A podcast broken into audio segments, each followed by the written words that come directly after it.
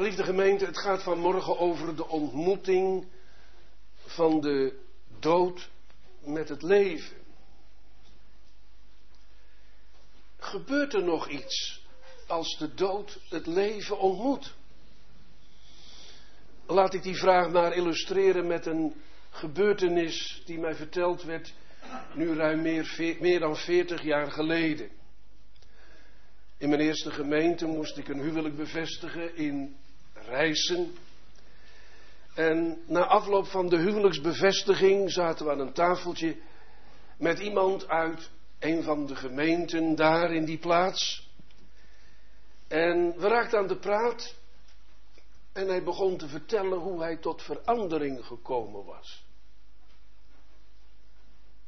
En dat was op een begraafplaats gebeurd. Het was een aangrijpend verhaal.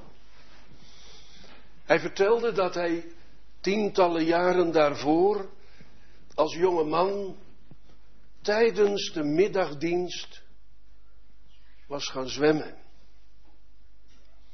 Het was bloedheet en samen met een vriend besloten ze om niet naar de kerk te gaan. Het was een grote gemeente daar, dat viel toch niet op.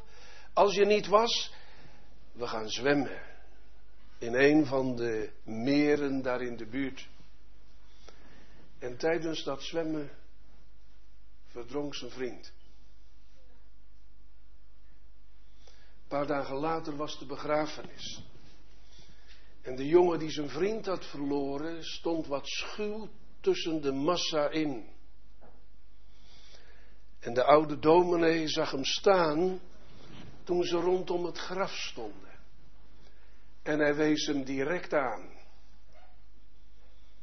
Indien gij u niet bekeert, zult gij insgelijks vergaan. Hij sloeg zijn handen voor zijn ogen en vluchtte weg.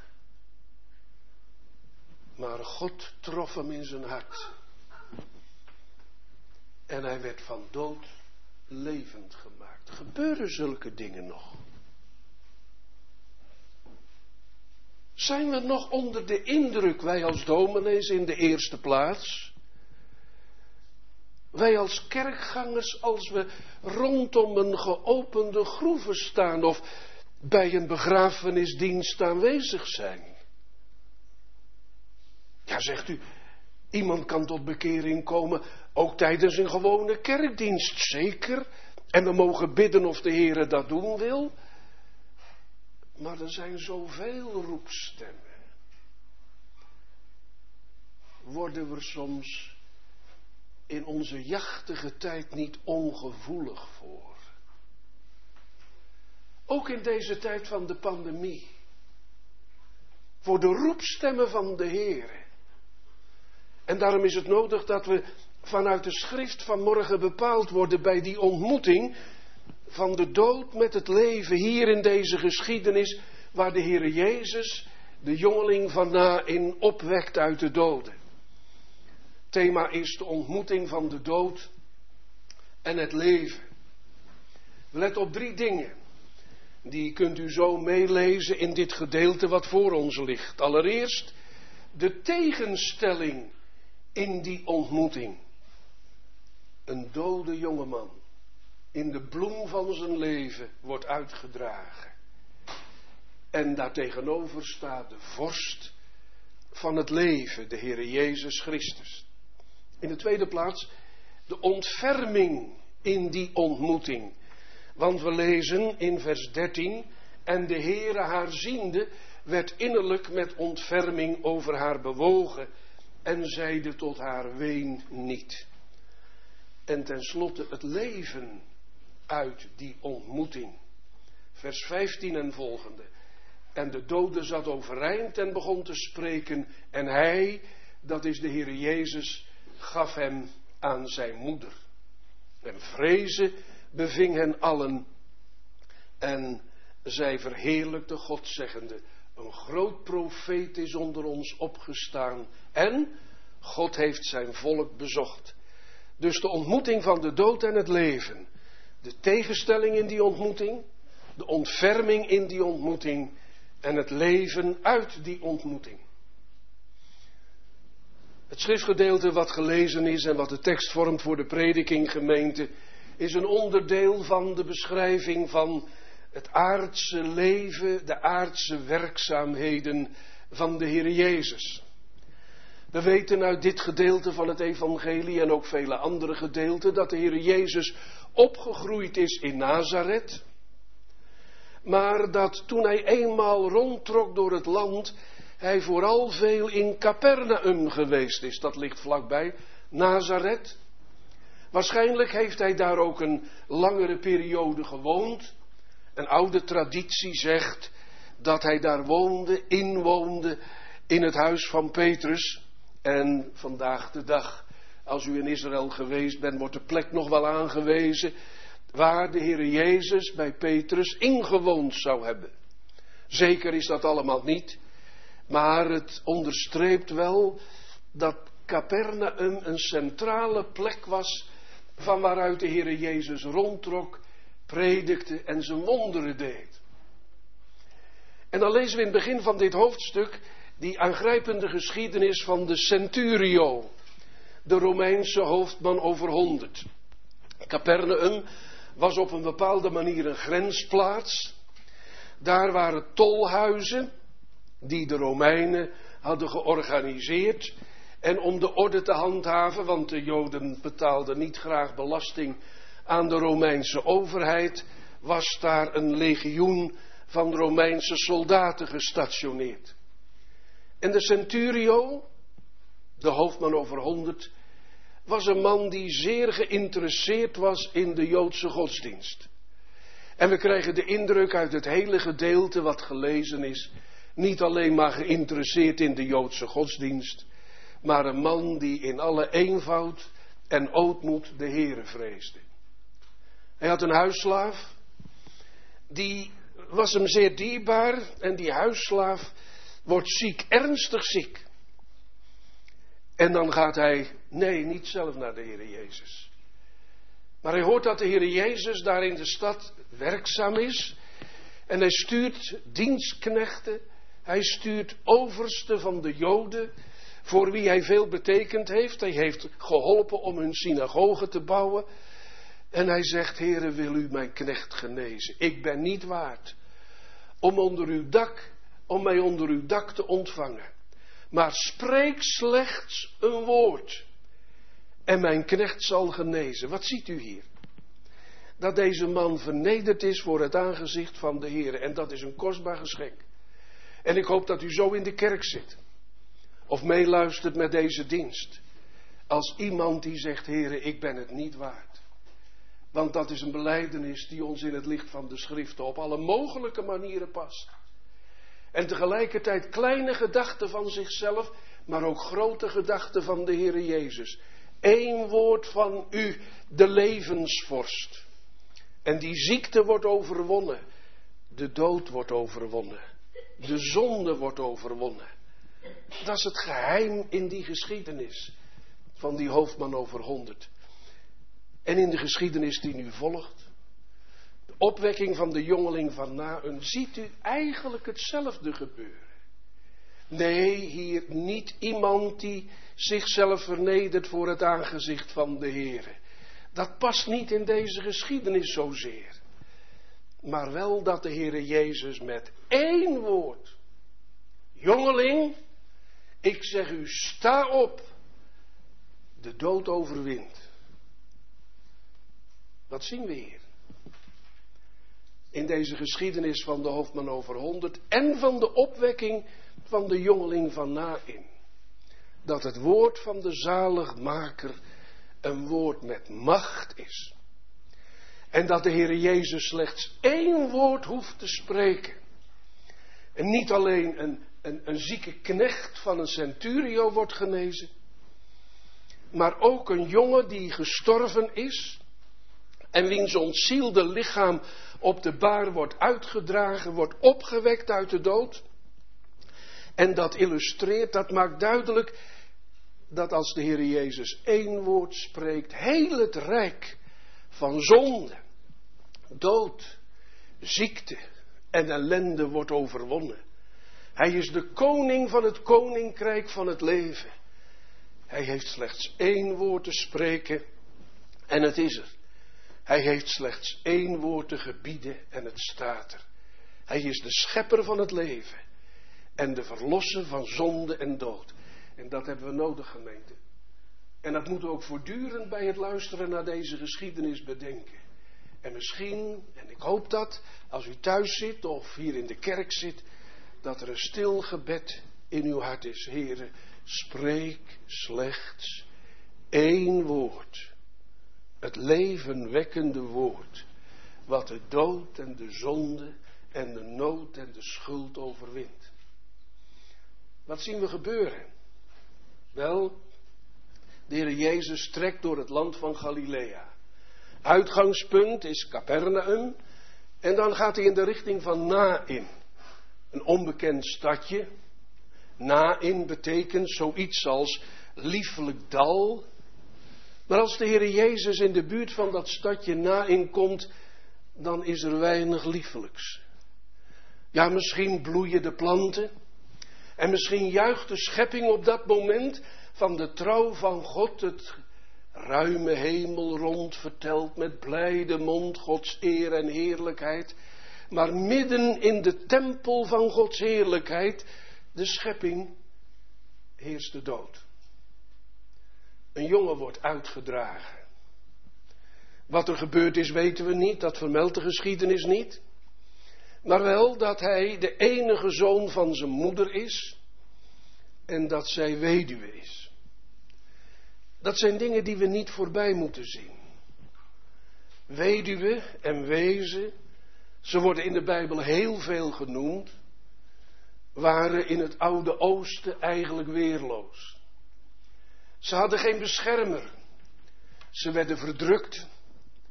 De wetten van de Here in de boeken van Mozes zorgden wel dat Israël goed voor de weduwe en de wezen moest zorgen. En dat wordt allemaal stipt beschreven. Maar we weten ook uit de profeten dat als Israël de afgoden ging dienen en zich overgaf aan goddeloosheid, dat een van de eerste tekenen van de goddeloosheid in Israël was dat ze de weduwe verdrukten en de wezen verdrukten. En zich niet om wees en weduwe bekommerden. Niet deden wat God geboden had. En u moest eens weten hoe vaak dat in de profetieën voorkomt. Gij verdrukt de weduwe en de wees. Dat mocht niet. Wat de heidenen deden, dat was hun heidense inborst en hun heidense goddeloosheid. Maar Israël, gij geheel anders.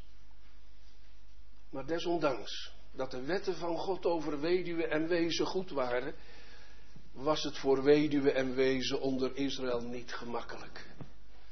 En zeker als u dit tafereel u probeert voor te stellen, en misschien zijn er onder ons die zelf een jong volwassen zoon verloren hebben, of die zelf weduwe geworden zijn en de pijn en het verdriet van het gemis misschien juist op dit moment nog voelen. Een bekend boek uit onze tijd over rouwverwerking heet Wenen om het verloren ik. Als je iemand die je zo lief is kwijtraakt, dan raak je ook een stuk van jezelf kwijt, het verloren ik. Zo zien we die weduwe getekend in het evangelie naar Lucas. Ze loopt achter de baar. Op die baar ligt haar enige jongen, haar hoop en uitzicht bij het ouder worden. Plotseling gestorven, we weten het niet. Na een langdurige ziekte, het is ons niet bekend. Misschien heeft ze dagen en nachten gewaakt aan zijn bed, maar hij is overleden. Rondom haar is een grote menigte, zo tekent Lucas dat. En die menigte, daarin zijn klaagvrouwen en muzikanten die op de fluit spelen, zoals dat gebruikelijk bij een begrafenis doet in die tijden met schrille klanken. En de klaagvrouwen trokken zichzelf aan de haren en schreeuwden in de taal van het Oude Testament, O Eli, wee onzer, wee onzer. En zo ging de stoet verder. Bovendien, voor het Joodse volk in die tijd, zeker voor de Sadduceeën en voor de Fariseeën, was er weinig zicht op het leven na dit leven. Het echte bijbelse zicht dat er een zaligheid na dit leven is voor degenen die de Heere vrezen, maar ook dat er een eeuwig oordeel is voor degenen die buiten Christus sterven, was verduisterd. Zelfs een rabbi kon niet zeker zijn, ook al had hij heel zijn leven de wet gehoorzaamd, dat hij straks eeuwig bij de Heere zou zijn. Want je wist nooit goed of je werken wel voldoende waren, of de som van je goede werken wel in aanmerking kwam om je toe te laten door de hemelpoort. Het was alles duisternis, onzekerheid, schrille klanken van verdriet, de dood. En als we dan de Bijbel laten spreken, gemeente, ook uit de brieven van de apostel Paulus, dan moeten we het zeggen, ja, waar komt de dood vandaan? Die heeft God niet geschapen. Die behoorde niet bij de oorspronkelijke schepping. De bezoldiging der zonde, zegt Paulus in Romeinen 6. Dat betekent het loon op de zonde is de dood. Door de zonde is de dood gaan heersen als koning der verschrikking. Zullen we het niet vergeten? Zullen we er ook niet gewend aan raken? Zoals je ook in heel de samenleving steeds meer een gewenningsproces aan de dood ziet. Het ontzag voor de koning der verschrikking is aan het afnemen in de wereld, maar ik vrees ook wel eens in de kerk. Dat is de ene stoet. De stoet van de weduwe achter de baar van haar overleden zoon. En daartegenover de Heer Jezus met, met zijn discipelen. De meeste van de discipelen zijn al geroepen. En ook een schare dringt zich samen rondom hem heen. Want in deze vroege periode van het optreden van de Heer Jezus geniet hij veel belangstelling. Mensen willen horen wat hij zegt. Mensen willen zien wat aan wonderen hij doet. En dan gebeurt er iets. Jezus, de koning van het koninkrijk der hemelen, de koning van het leven, de vorst die de dood zal overwinnen straks door kruis en opstanding. Hij gaat naar voren en stopt de begrafenisstoet. Dat was natuurlijk iets, iets ongehoords in die tijd zeker. Toen er nog een stuk ontzag was voor de koning der verschrikking, voor een begrafenis. De Heer Jezus gaat voor de baar staan. Zo, we lezen het heel uitdrukkelijk, dat de dragers die de baar torsten, stil moeten blijven staan. Hoe durft hij? Heeft hij geen ontzag voor de dood? Jazeker heeft de Heer Jezus ontzag voor de dood. Hij zal straks, zegt de apostel, de smarten van de dood aan den lijve en aan de ziel ondergaan. Maar hij staat hier als koning. Koning van het leven. Levensvorst. En dan staat er iets heel opmerkelijks dat de Heer Jezus niet alleen de baar stopt en de drager stil moeten staan, maar hij ziet de weduwe. En Jezus, haar ziende, werd innerlijk met ontferming over haar bewogen en zeide, ween niet. Opmerkelijk niet. Er staat niet direct dat de Heer Jezus met ontferming bewogen was over die jonge man, die misschien een jaar of 17, 18 was. Dat was hij ook. Maar dat wordt niet uitdrukkelijk gezegd. De Heer Jezus is vooral bewogen als hij de weduwe ziet. In haar smart, in haar pijn, in haar verdriet. En wie peilt de nood van een weduwe zoals deze vrouw dieper dan de Heere Jezus? We lezen in de brief aan de Hebreeën dat de apostel schrijft dat de Heere Jezus in alle dingen verzocht is geweest, ook al kende hij geen persoonlijke zonde. En dat hij daarom medelijden kan hebben met alle nood en smart en pijn en verdriet. En ook dat mogen we niet vergeten, zeker niet als we bij deze tekstwoorden stilstaan.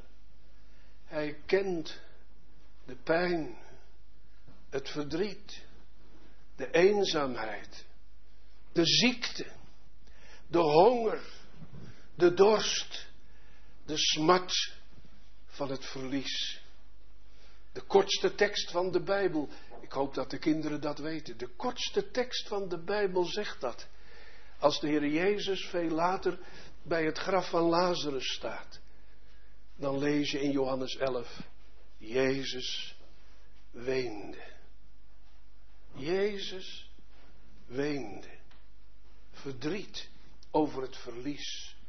De medelijdende hoge priester. En daar zit een geweldig stuk onderwijs in gemeente. Als wij verdriet hebben, pijn en eenzaamheid. Zoals sommige ouderen in deze tijd verdriet hebben. Omdat allerlei contacten worden afgebroken. En je het zeggen moet met de psalmdichter. Eenzaam ben ik en verschoven. Dan mogen we tot hem vluchten en vragen, heren, ik ben alleen. Misschien wel dat u zeggen moet, niemand ziet naar mij om. Niemand kent de nood van mijn leven zoals deze weduwe misschien heeft moeten zeggen. Hij weet ervan. En zullen we dan ook dat de kracht en de troost bij Hem zoeken. Maar dat niet alleen. Dat is zelfs niet de allervoornaamste betekenis van onze tekst. Ook al staat dit hier met zoveel woorden en onderstrepen we het nu in de prediking van dit gedeelte. De diepste nood van ons leven is wat? Dat weet u toch? Als u de Heer niet kent, als u, als jij onbekeerd hier in je bank zit of zonder de Heere te vrezen, thuis meeluistert met deze dienst, dan is dat toch je grootste nood. Heere, mijn geestelijke dood. Waarvan Paulus zegt in Efeze, het tweede hoofdstuk, dat wij dood zijn in de zonde en in de misdaden. Hebt u daar iets van ontdekt? Dat staat er heel scherp hoor in Efeze 2. Dood in de zonde en in de misdaad. Als u het heel letterlijk vertaalt vanuit de Griekse tekst, dan staat er dat je een lijk bent.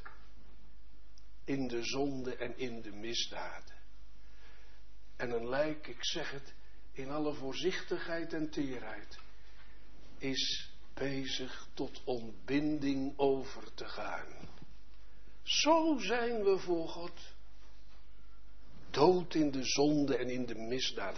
Het is gezegd, toen de meesten van ons als kind gedoopt werden, misschien hier in de kerk of in een andere gemeente, dat wij met onze kinderen in zonde ontvangen en geboren zijn en daarom kinderen des torens zijn, die in het rijk van God niet kunnen komen, tenzij we van nieuws geboren worden. Kijk, die jongen die daar ligt en die naar buiten gedragen wordt. En waar de moeder als toonbeeld van verdriet achter de baar aangaat, is een beeld van onze zonde en onze schuld, onze geestelijke doodstaat. En als we daar iets van gaan zien, dan gaan we voelen wat we missen. En als u of jij er nog niets van ziet en zegt, ja, dominee, dat zijn bekende klanken die ik zo vaak in de kerk gehoord heb, maar, maar ik beleef het zo niet, vraag dan of de Heere je ontdekkend licht geeft vanuit zijn woord, door zijn heilige geest en wil laten zien waar het nu werkelijk aan schort, opdat je een indruk krijgt van wat je mist. Dan ga je s'avonds, als je je knieën buigt, tegen de Heere zeggen, Heer, ik ben zo arm, want ik mis u. Dood in de zonde en in de misdaden. En hoe moet dat nu veranderen? Hoe zou het kunnen veranderen als we kijken naar de geschiedenis die hier in dit gedeelte wordt, wordt verteld? De Heer Jezus staat voor de baar. En hij is met innerlijke ontferming bewogen als hij de vrouw ziet in haar nood. En dat is een, een woord wat we niet mogen vergeten. De Heer Jezus is met ontferming bewogen. Dat hebben we proberen te tekenen vanwege de nood van deze vrouw, weduwe, enige geboren zoon, hoop voor de toekomst. Maar de Heer Jezus Christus, zegt de schrift overduidelijk, is met ontferming bewogen over verloren zondaren. Wat dreef hem toen hij uit de hoge hemel neerkwam en als kind in de kribbe van Bethlehem gelegd werd? Al zo lief heeft God de wereld gehad, dat hij zijn enige geboren zoon, let u op die uitdrukking, enige geboren zoon gegeven heeft, opdat een ieder die in hem gelooft niet verderven, maar het eeuwige leven hebben. Het was liefde van de Vader, liefde van de Zoon, liefde van de Heilige Geest die hem dreef om mens te worden. Het was ontferming van de Vader, eeuwige ontferming van de Vader, ontferming van de Zoon en ontferming van de Heilige Geest die hem dreef om mede te lijden te hebben met het verloren menselijke geslacht. Ontferming. Daarom staat het ook zo vaak in het evangelie. Dat is opgevallen. Dat als mensen in hun nood tot de Heer Jezus vluchten. Denk maar aan Bartimaeus, de blinde die aan de kant van de weg zit te bedelen. Als hij dan hoort dat de Heer Jezus in de buurt is. En de voetstappen hoort van de schare die hem omringt. Dan begint hij te roepen.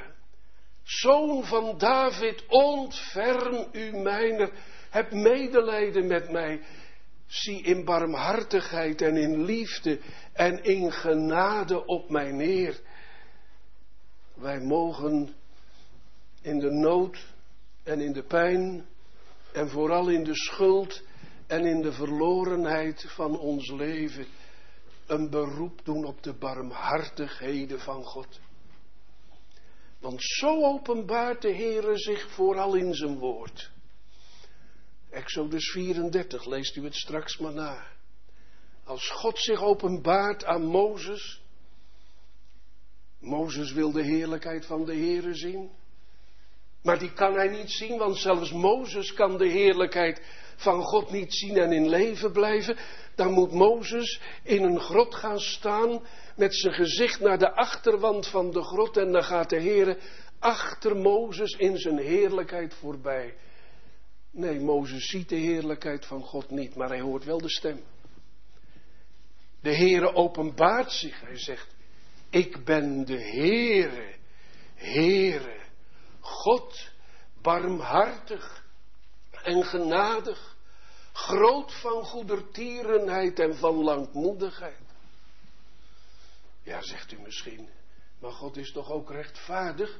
Daar hopen we het vanavond over te hebben. Vanuit de catechisme, zeker. En God toornt over de zonde. En wij zijn ten gevolge van de zonde kinderen des torens. Dat heb ik net aangestipt. Maar Luther zei, dat is niet het eigenlijke werk van God. Het liefste wat God doet is barmhartigheid bewijzen aan vele duizenden. En dat mag u hier in dit gedeelte waarin de Heer Jezus met ontferming bewogen is over deze weduwe geïllustreerd zien. En bid het dan maar, jongen of meisje in de kerk of thuis. Bid u het maar bij het ouder worden, zoon van David. Ontferm u mijner. En dan het volgende. Dat lijkt een kleinigheid, maar dat is heel belangrijk. De Heer Jezus met ontferming bewogen gaat naar de baar toe en raakt de baar aan. Ja, dat mocht niet. De wetten van Mozes en Leviticus, Deuteronomium, maken duidelijk dat wanneer iemand in contact kwam met een overledene, dan was hij onrein. Onrein tot aan de avond en daar wordt uitvoerig voorgeschreven hoe je je dan met water wassen moest en, en weer rein moest worden. De Heer Jezus raakte baar aan. Hij laat zich verontreinigen. Hij komt onder de smet van de dood. Hij komt onder de smet van de zonde en de gevolgen van de zonde. En daarin wordt in een heel klein trekje iets zichtbaar, gemeente, van wat wij dan vaak in de leer van de kerk noemen dat hij de schuldovernemende borg is. De Heere Jezus laat zich verontreinigen. Overal in het evangelie komt u dat tegen. Als in Matthäus 8 een melaatse bij de Heere Jezus komt en smeekt, Heere, indien gij wilt, gij kunt mij reinigen. Dan lezen we ook en Jezus raakt hem aan. Nou, een melaatse aanraken, dat was iets ongehoords, dat mocht ook niet. Dan werd je besmet met zijn ziekte, met zijn zweren, met zijn onreinheid. En daarin laat de Heere Jezus het zien. Bij die melaatse die bij hem komt en die hij aanraakt. En bij de dode, de jongeling van Nain, die uitgedragen wordt en die hij aanraakt. Ik wil uw onreinheid op mij nemen. Ik wil uw dood en uw nood op mij nemen. En die wegdragen. En misschien bent u me nu in gedachten al voor. Dat woord, dat machtige evangeliewoord uit het begin van het Johannesevangelie. Zie het lam Gods. Dat de zonde van de wereld wegneemt. Letterlijk staat er dat de zonde van de wereld overneemt. Dat de zonde van de wereld op zich neemt. Dat de zonde van de wereld wegtorst. Dat hebben we nodig, gemeente. Want hij draagt de zonde en de schuld van heel zijn volk. Van al degenen die hem door de Vader gegeven zijn, weg op het hout. Hij draagt de vloek, de straf, de schuld, tot in de inktzwarte duisternis van de nacht van de Godverlatenheid. Mijn God, mijn God, waarom hebt ge mij verlaten? En dan zegt de levende kerk van Christus, Heere, u verlaten, opdat ik nimmer meer van u verlaten zou worden. Wat de genade, als je daardoor het geloof, al is het misschien van verre, iets van mag zien. En daarom, hij raakt de baar aan.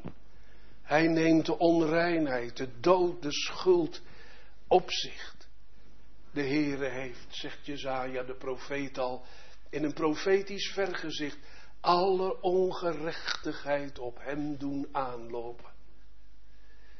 En dan klinkt ook het machtswoord. Ja, zegt u, dat is toch het hart van de zaak, de kern van de zaak, inderdaad. Jezus loopt op de baar toe en zegt, jongeling, ik zeg u, sta op. Maar nu ben ik even iets vergeten. Want dat is niet het eerste wat de Heer Jezus zegt. Hij zegt eerst tegen de weduwe, ween niet. Ja, dan denk je bij jezelf, is dat nou wel een pastoraal invoelend woord? Stel je voor, misschien hebt u het door pijnlijke ervaring zelf meegemaakt. Dat je door groot verdriet bent getroffen, dat je je man hebt verloren, of je vrouw hebt verloren, of die lieve jongen hebt verloren die maar zo oud geworden is. En de mensen zeggen tegen je, ja je hoeft niet te huilen hoor. Dat klinkt toch hard. Dat kan hard klinken. Dat kan uit ongevoeligheid voortkomen, want wij mensen, zegt de Bijbel, zijn hele moeilijke vertroosters en kunnen weinig gevoel hebben. Daar moet u altijd voor oppassen. Maar als de Heer Jezus zegt, ween niet, dan spreekt Hij als de zaligmaker. Als de zaligmaker die de tranen van de ogen droogt. Als de zaligmaker die de dood en het graf heeft overwonnen. Ween niet. En jongeling, ik zeg u, sta op. Dat hoort bij elkaar. Hij zegt ween niet omdat hij de oorzaak van onze honger en kommer, zegt het oude formulier, wegneemt. Ik zeg u, sta op. En dan moet u die woorden eigenlijk maar proberen te wegen. Dat is zo belangrijk als we de Bijbel lezen. Dat we niet te snel lezen. Dat we niet over de dingen heen lezen. Maar dat we ze op ons in laten werken. Biddend of de Heilige Geest die woorden ook indruk wil laten maken en toepassen aan ons hart. Ik zeg u dat ik van de Heer Jezus in het evangelie, dat is van grote betekenis. Kijk, als wij heel veel ik zeggen, dan kunnen we heel trots zijn. Egoïstisch zijn. Graag met onszelf naar voren komen. Maar als de Heer Jezus ik zegt, dan spreekt Hij met de volmacht die Hem gegeven is van God de Vader. Ik ben het brood des levens. Ik ben de opstanding en het leven. Ik zeg u. En dan gebeurt er ook wat. Want als God spreekt, en we kijken heel even terug naar het begin van de Bijbel. Als God spreekt, er zij licht, dan dat ene enkele woord, er zij licht, dan komt er ook licht. Als God zegt, de aarde en de zeeën worden gescheiden, dan gebeurt het ook. Psalm 33 zegt, Hij spreekt en het is er. Hij gebiedt en het staat er. Wij kunnen zo heel veel woorden zeggen. Dominees ook. Heel veel woorden. Soms word je moe van je eigen woorden. Maar als God spreekt, als de Heer Jezus spreekt met kracht, dan gebeurt het ook. Jongeling, ik zeg u, sta op. En die jongeling, u leest het in het vervolg van de tekst, doet zijn ogen open. Hij rijst op, gaat overeind zitten. Het leven keert terug in zijn levenloze lichaam. Ik knip het met zijn ogen, zie ik. En wat moet dat geweest zijn, gemeente? Toen hij zijn ogen opsloeg, toen zag hij als eerste, nee, niet zijn moeder. Want de moeder ging achter de baar aan, niet? Maar zag hij als eerste de Heer Jezus. Keek hij, ik zeg het met alle eerbied, de Heer Jezus recht in de ogen. En zag hij de ontferming van de Heer Jezus. En voelde hij de levenwekkende kracht van de Heer Jezus. Gij hebt het leven mij geschonken. Ik ben niet in de kuil gezonken. Dat gaat hier letterlijk in vervulling. En hij gaf hem aan zijn moeder. Mag ik het zo zeggen, de Heer Jezus doet geen halfwerk. Als hij deze man, deze jonge man opwekt uit de dood en verlost van de ketens van het graf, dan denkt hij ook aan de moeder. Hij was immers met ontferming bewogen over die weduwe. Hij geeft de zoon aan de moeder terug. Je kan daarin zien, gemeente, en ik stip dat alleen maar aan, maar u mag daar verder over mediteren, dat de Heer Jezus altijd, tijdens heel zijn aardse leven, de hele wet van God vervult. Hij heeft God lief boven alles en zijn naaste als zichzelf. Hij denkt aan God, aan zijn vader. God heeft zijn volk bezocht. Maar hij denkt ook aan de naaste. Aan die verdrietige weduwe. En hij gaf hem aan zijn moeder. Kijk, en dat machtswoord, waardoor die jonge man nu overeind gaat zitten, in zijn levenloze lichaam de levenskracht gaat stromen. Hij spreekt en het is er, hij gebiedt en het staat er. Spreek slechts één woord, zoals we in het begin van het hoofdstuk hoorden. Dat woord is met macht. En wat zou nou een zegen zijn als die jongen of dat meisje, die luistert naar de preek en misschien dingen meeneemt uit de preek, en dat hoop ik natuurlijk, zo in de kerk op dit ogenblik zit. En eigenlijk iedere kerkdienst zo beleeft. Heere, spreek slechts één woord. Eén woord met macht. En voorbij is der zonde nacht. Ja, want dat staat ook in het evangelie. Dat de Heer Jezus die hier met één machtswoord deze jongeling van na in tot het leven roept. Dat hij door één woord te spreken, door één woord uit de schrift toe te passen met kracht. Dode zondaren, zoals u en jij en ik van nature zijn, roept tot het leven. En dat ze geestelijk gaan leven. Johannes 6. Doden zullen horen de stem van de levende God. En die ze horen zullen leven. Heere, spreek woord. Oh, wat is het nodig dat we daar ernst mee maken. En ik weet het.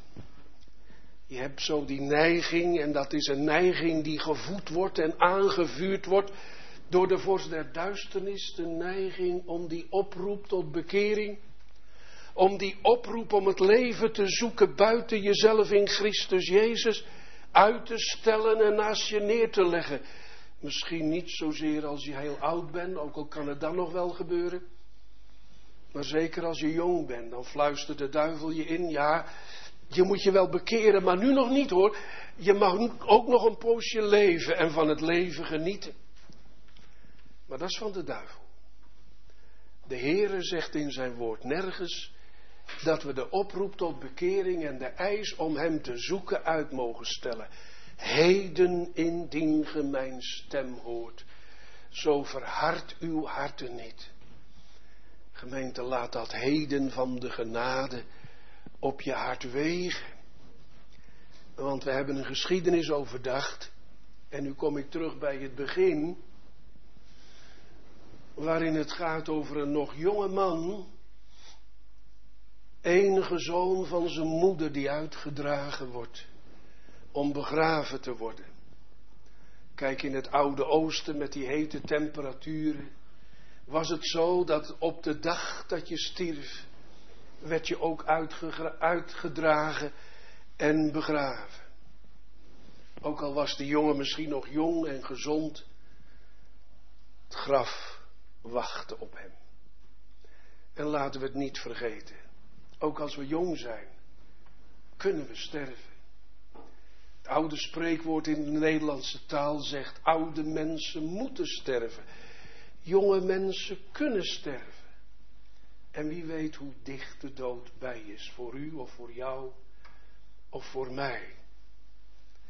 En er is de vraag in het licht van deze geschiedenis toch: zijn we dan bereid?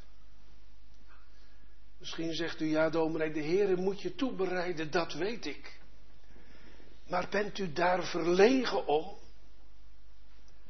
Bereid u me voor, Heer, dat ik niet een onbekende God mag ontmoeten als het einde van mijn leven komt. De dood wenkt ieder uur. Het is me opgevallen juist de laatste maanden dat vaak in de krant het aantal overlijdensadvertenties veel groter was dan misschien wel één of twee jaar geleden. De crisis, zegt u, mogelijk. Maar het was niet altijd de crisis. De dood wenkt ieder uur. En is het dan goed met mij? Heel persoonlijk. Dat brengt als het goed is tot gebed. Heere, spreek slechts één woord. En je ziet het ook in de reactie van de mensen. Dat is het allerlaatste stukje van de tekst. De dode zat overeind, lezen we. En de Heer Jezus gaf hem aan zijn moeder. Hij begon te spreken. Alles wees erop. Hij leeft weer. Wat moet die vrouw blij geweest zijn? Maar niet alleen dat. Er ging ook wat van uit.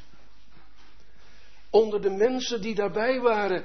Het gevolg, de buren, de vrienden uit Nain. Maar ook de scharen die de Heer Jezus volgden. En zag wat hier gebeurd is. Vrezen beving hen allen. En zij verheerlijkte God, zeggende: Een groot profeet is onder ons opgestaan. En, dat zeiden ze ook, God heeft zijn volk bezocht. Ze verheerlijkte God.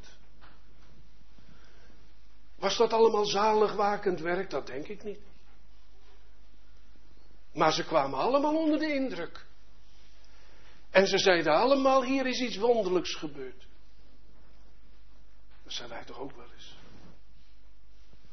Bij een aangrijpende begrafenis. Zoals het verhaal waarmee ik begon. Of bij een indringende preek waarin we ernstig en welgemeend geroepen worden tot bekering. Of bij een prediking waarin u vol liefde genodigd wordt om tot hem de toevlucht te nemen.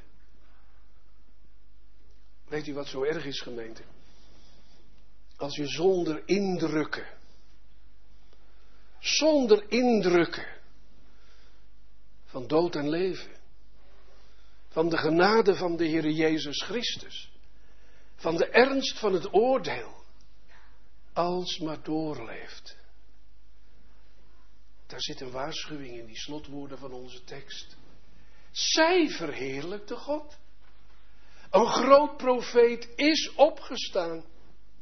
God heeft in hem zijn volk bezocht. Hoe was er onder ons iemand tot bekering komt? In het hart gegrepen wordt. Wat doet dat met ons?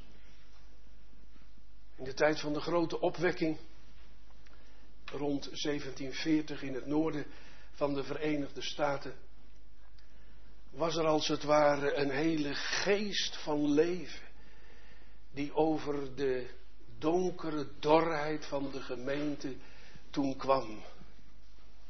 En Gods kinderen zeiden tegen elkaar, als ze naar de kerk gingen, wie zal er vandaag bekeerd worden?